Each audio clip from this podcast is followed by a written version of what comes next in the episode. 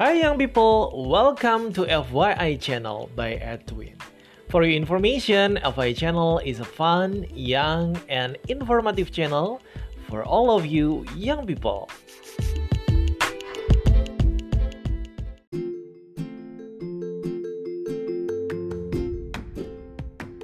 Yuhu, young people! Edwin balik lagi di episode yang keempat tentunya.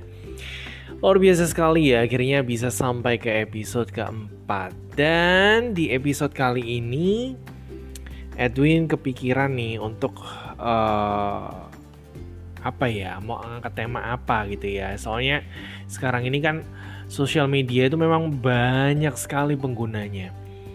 Gak jarang dari kita mungkin kalau waktu luang ya udah pegang gadget aja kan, buka sosmed, ngamatin uh, terutama Instagram ya, instastorynya temen lah atau instastorynya artis atau postingan siapa aja lah yang bisa buat kita ya setidaknya bisa terinspirasi ya kan sisi positifnya kalau kita melihat postingan dari teman, sahabat ataupun public figure. Tapi ya nggak tahu juga kalau misalnya mereka posting tujuannya positif tapi kita nangkepnya juga beda ya bisa juga kan ya. Nah tapi kali ini sebenarnya ada nggak sih kaitannya antara ketika kita membuka sosial media menghabiskan waktu di sana gitu ya itu ada nggak sih uh, efeknya ke misalnya gangguan makan. Nah, seperti apa jelasnya? Yuk, kita lihat pembahasannya. So, let's check it out.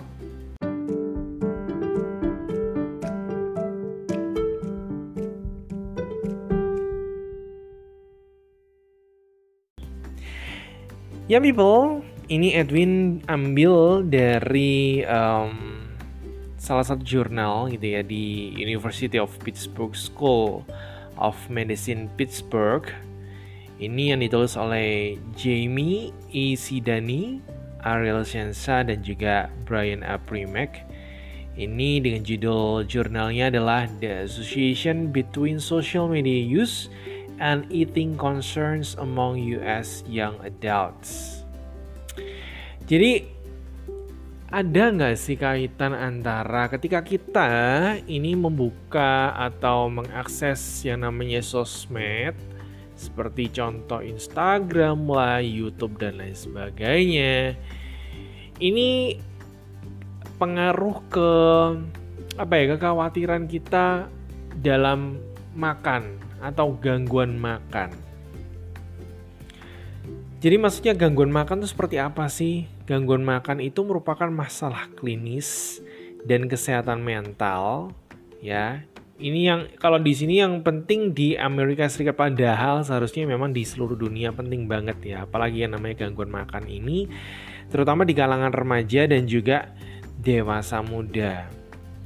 Nah, dari DSMV ini Diagnostic and Statistical Manual of mental disorder. Ini menunjukkan prevalensi pada usia 20 tahun itu sekitar 0,8 persen itu mengidap anoreksia nervosa. Ini kalau anoreksia ini terobsesi dengan berat badan dan apa yang dimakan. Jadi mereka yang uh, terkena anoreksia ini mempunyai ketakutan berlebihan terhadap berat badan, bahkan tidak beralasan. Jadi mereka ini ingin mempertahankan berat badan mereka itu di bawah normal dengan cara apa? Menahan lapar atau juga bisa olahraga secara berlebihan. Wah jelas ini nggak baik banget ya. Mungkin yang people pernah uh, dengar atau pernah tahu gitu ya kalau misalnya uh, model model itu kan dituntut uh, ramping ya jadi uh, slim banget. Mereka tuh sampai ada yang nggak uh, makan tapi uh, seperti kayak kapas gitu ya gumpalan. Itu mereka sampai uh, dicelupkan ke cairan entah apa ya yang mengandung vitamin atau gimana terus kemudian dimakan.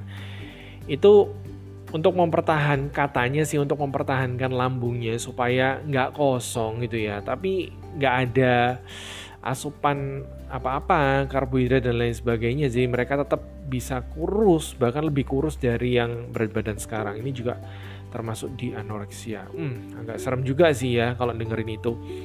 Kemudian yang kedua adalah 2,6% itu mengidap bulimia nervosa. Ini adalah gangguan makan ditandai dengan makan berlebihan tapi diikuti uh, dengan metode untuk menghindari kenaikan berat badan. Biasanya mereka akan memuntahkan kembali makanannya. Wih, kok rasanya nggak enak banget gitu ya udah makan ya mungkin mereka eh, nggak uh, bisa nahan nafsu makannya untuk nyobain misalnya makan daging sayur dan lain sebagainya ya makanan kesukaan mereka. Tapi mereka ketakutan akan berat badan itu tadi jadi di, dikeluarkan lagi. Hmm, ngeri juga ini. Kemudian yang ketiga adalah 3% for binge eating disorder. Ini gangguan makan ditandai dengan pesta makan yang sering dan berulang dengan masalah psikologis dan sosial negatif tanpa muntah ya. Jadi ini uh, dikit-dikit makan, ada momen makan, udah makan ya padahal ya sekian jam mungkin nggak kerasa lapar tapi kepingin makan lagi. Nah ini juga gangguan uh, gangguan makan. Kemudian yang keempat ini adalah 11,5% for feeding atau eating disorder yang tidak bisa diklasifikasikan. Gangguan makan ini hmm, bisa dikatakan memiliki komplikasi medis yang serius.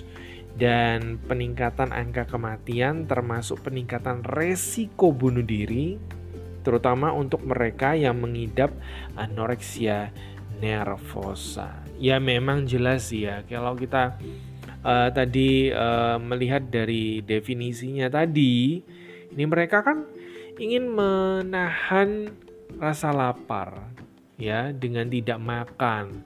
Kemudian olahraganya berlebihan. Lah dari mana asupannya kalau mereka olahraga kan? Buang kalori terus tapi nggak ada inputannya juga bahaya banget. Itu yang bisa menyebabkan peningkatan angka kematian. Kemudian keprihatinan makanan ini bersifat multifaktorial, jadi uh, ada pengaruhnya dari sisi biologis, psikologis, intrapersonal, dan juga lingkungan. Nah, kalau misalnya kita bahas yang lingkungan, lingkungan itu uh, terkait dengan paparan media seperti majalah mode dan juga televisi. Tapi di zaman sekarang ini jelas lebih banyak um, yang mempengaruhi adalah media sosial karena media sosial sekarang ini menggabungkan aspek media tradisional dengan interaksi dengan teman ya dengan sahabat yang difasilitasi secara teknologi tentunya.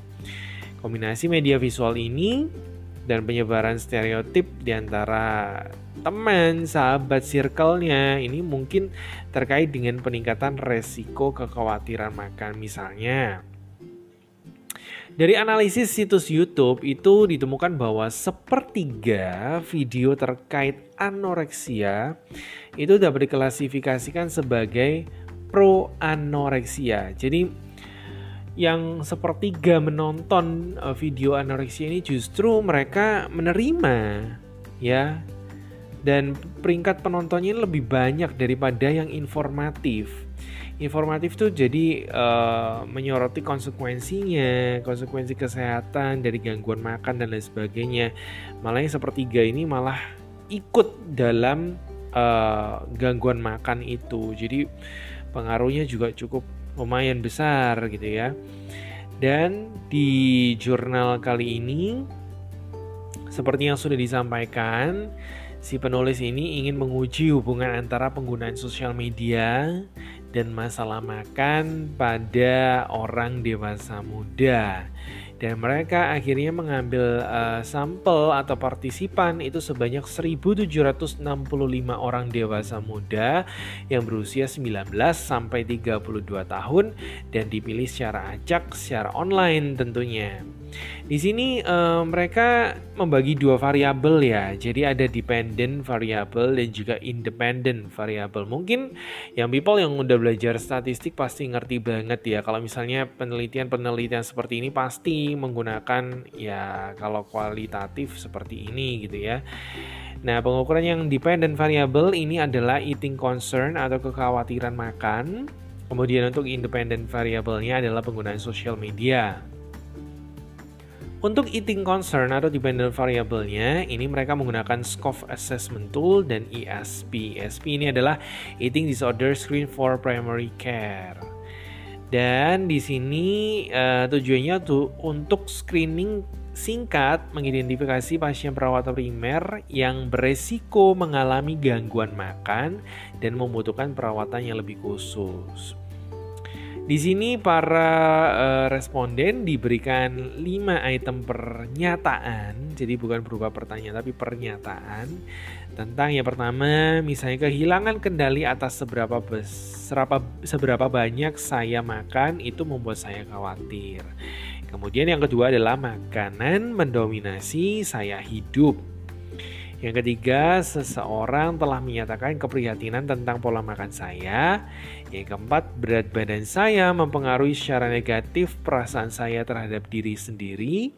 Yang kelima adalah saya puas dengan pola makan saya. Nah, dari lima item pernyataan tersebut, responden ini diminta untuk menjawab dengan lima Jawabannya salah satu itu bisa pasti tidak, mungkin tidak, tidak tahu, mungkin iya, dan pasti iya.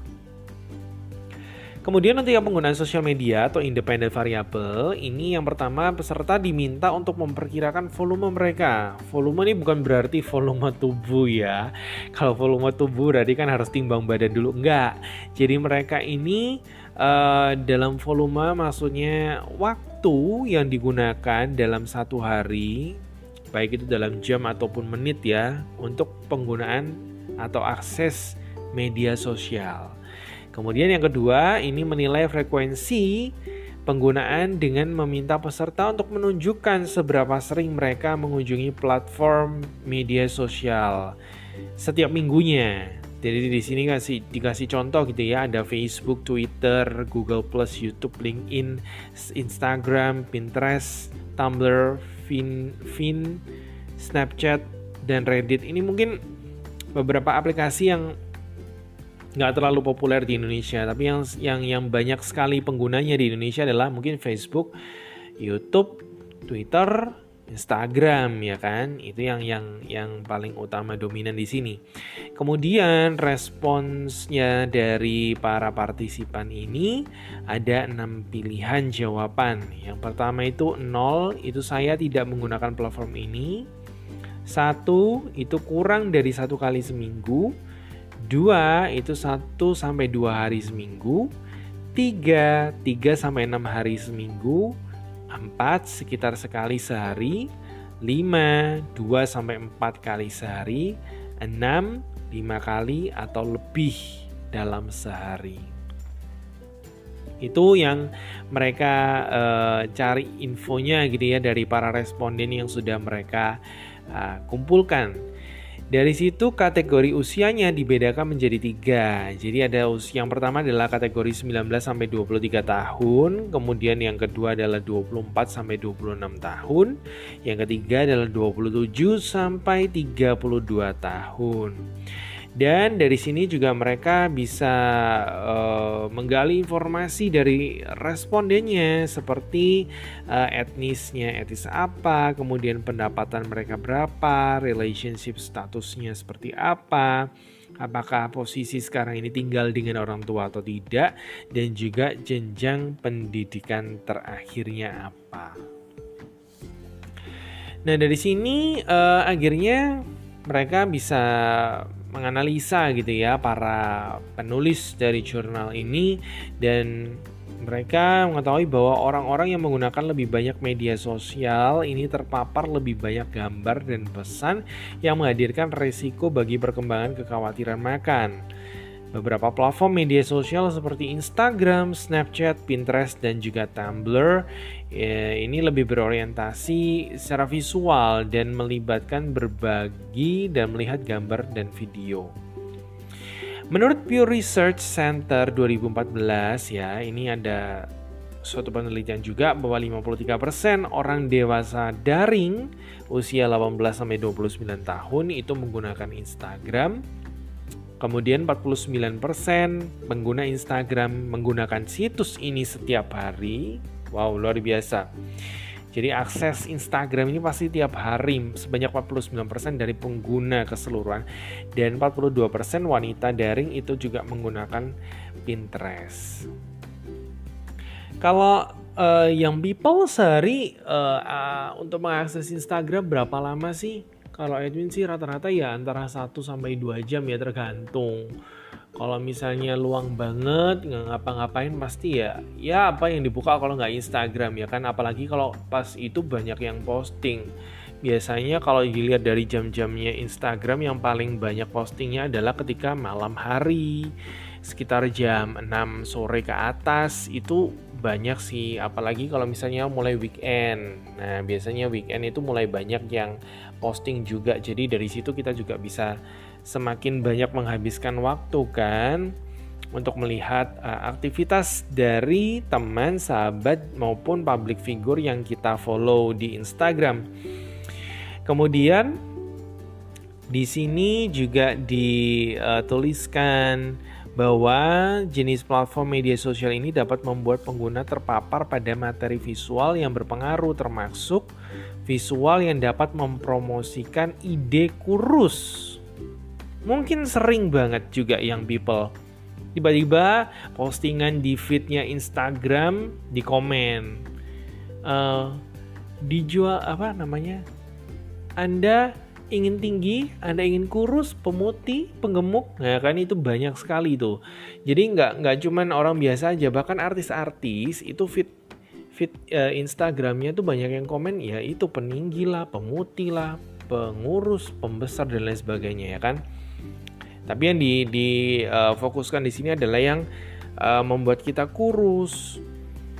Karena penelitian itu juga menunjukkan bahwa individu yang menggunakan uh, Facebook ataupun media sosial lainnya ya dengan frekuensi yang lebih tinggi ini membandingkan diri mereka dengan orang lain dan berpotensi menyebabkan masalah pada citra tubuh. Maksudnya gini, kebanyakan mungkin kalau kita follow uh, yang cewek ya follow follow artis itu kan artis Hollywood uh badannya keren banget ya ideal kemudian kurus kurusnya kurus ideal gitu loh. Jadi mereka mungkin jadi uh, terpacu untuk oke okay, aku kepingin loh badannya seperti mereka bisa bagus seperti itu gitu ya. Ini yang membuat mereka yaitu sering melihat jadi sering membandingkan. Kemudian penelitian telah menunjukkan bahwa individu cenderung memposting gambar secara online yang menampilkan diri mereka secara positif. Dan ya karena itu pengguna itu cenderung memilih dari ratusan foto yang lebih akurat dengan sedikit foto yang mungkin membuat subjek tampak lebih kurus dan lebih menarik ya kan sejalan dengan cita-cita sosial saat ini. Jadi kalau misalnya yang dikatakan cantik, dikatakan perfect, itu seperti apa sih? Uh, mungkin wajahnya V-shape, tirus gitu ya, badannya langsing, kulitnya putih, dan citra itulah yang membuat kita berpatokan bahwa ya kalau kita posting pun ya kalau bisa seperti itu dan ini mm, menyebabkan pengguna terekspos pada harapan yang tidak realistis untuk penampilan. Karena apa? Mungkin kalau kita kurang putih atau uh, kurang kurus gitu ya, kurang ideal misalnya berat badannya, itu akan cenderung untuk melakukan editing. Tentunya ini kan jadinya ya ya kepinginnya sih menampilkan uh, citra diri secara positif gitu ya, tapi kan ujung-ujungnya bahwa ini menjadi tidak realistis karena kita mempunyai patokan bahwa yang cantik atau yang bagus itu harus uh, berat badannya yang ideal, yang putih dan lain sebagainya. Nah, di penjelasan lain untuk hasil penelitian ini adalah bahwa orang-orang yang mengembangkan masalah makan ini akibatnya dapat menggunakan lebih banyak media sosial. Jadi orang-orang ini dapat mencari informasi di medsos untuk terhubung dengan orang lain yang juga memiliki masalah makan. Dan kelompok-kelompok ini dapat menyebabkan perkembangan identitas sosial bersama yang menghambat pemulihan otentik dan bermakna dari gangguan makan. Jadi mungkin um, banyak dari beberapa orang ini juga yang apa ya mencari teman lah yang katanya uh, senasib sepenanggungan itu akan malah lebih uh, saling menguatkan gitu ya ceritanya.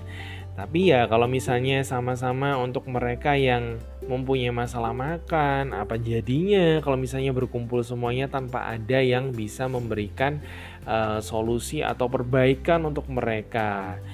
Dan di sini juga penelitian ini akhirnya diketahui bahwa memang uh, pengaruh dari sosial media itu ada kaitannya dengan kekhawatiran makan atau gangguan makan ujung-ujungnya ya yang cukup membahayakan yang terjadi tidak hanya pada wanita muda, tapi juga para pria. Kalau pria pun itu juga mudah sekali terpengaruh loh dengan gambar media bentuk tubuh ideal. Bayangkan kalau misalnya kita lihat ada uh, mungkin influencer ya atau model yang mempunyai badan yang bagus, six pack dan lain sebagainya masuk Tentunya ini uh, untuk para pria juga menjadi uh, sedikit terinspirasi gitu ya, kepingin untuk bisa mempunyai badan seperti itu karena dinilai ya keren itu tadi.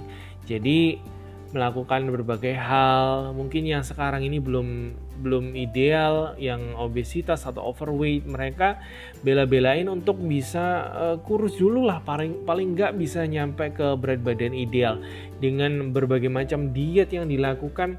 Bahkan nih ya kalau misalnya kita uh, lihat itu banyak loh uh, yang people um, apa namanya artis-artis Korea yang cewek-cewek itu ya itu kan uh, sering mempunyai tips untuk menjaga berat badan tubuh mereka tetap ideal dan mereka juga memberikan nama-nama atau nama untuk cara uh, dietnya itu sesuai dengan nama artisnya.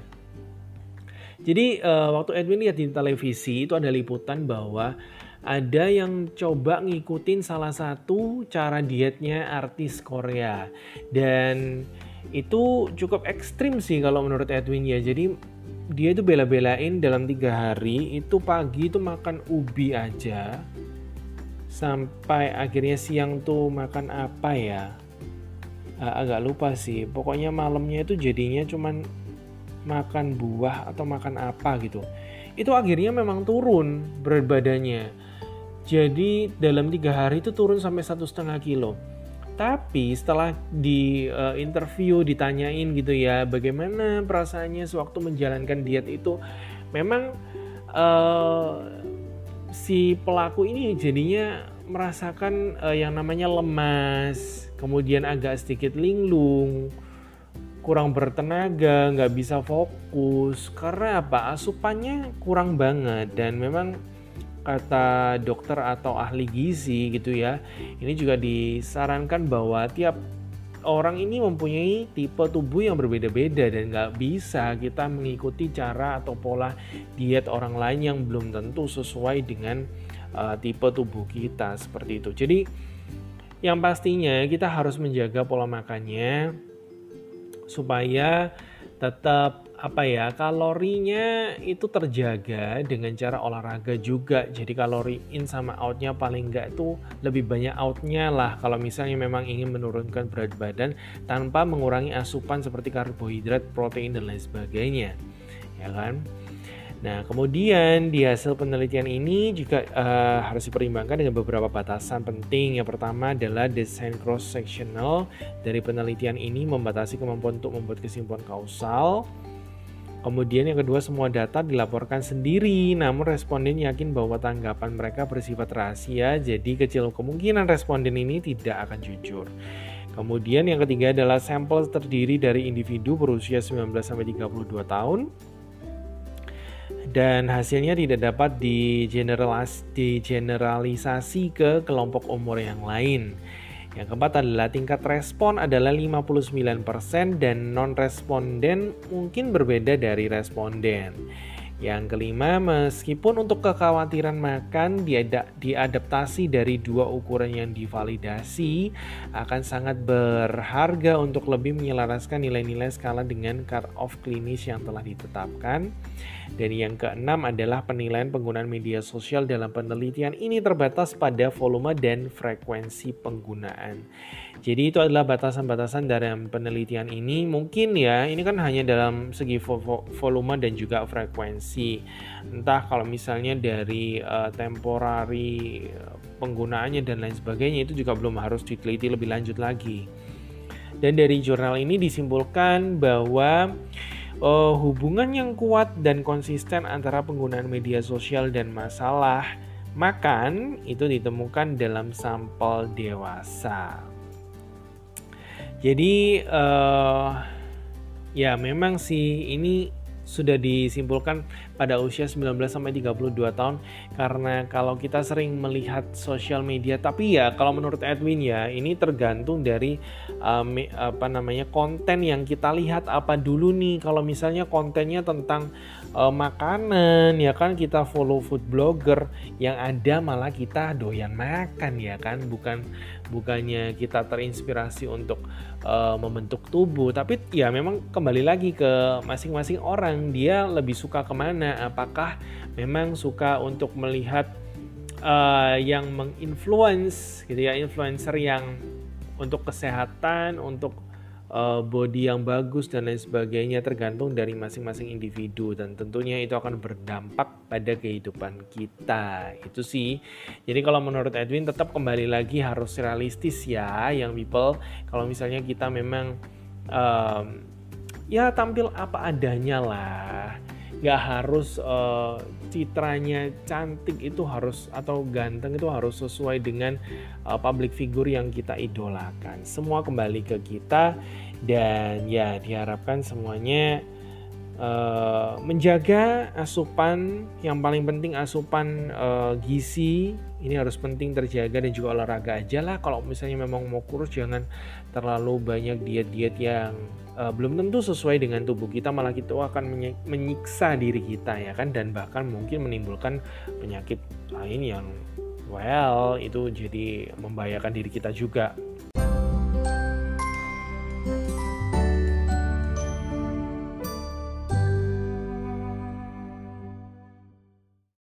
Dan akhirnya kita sudah sampai ke ujung podcast kali ini. Dan Edwin mau pamit. The grass is always greener on the other side. Just be grateful and be better me. Thank you for listening and see you when I see you. Bye.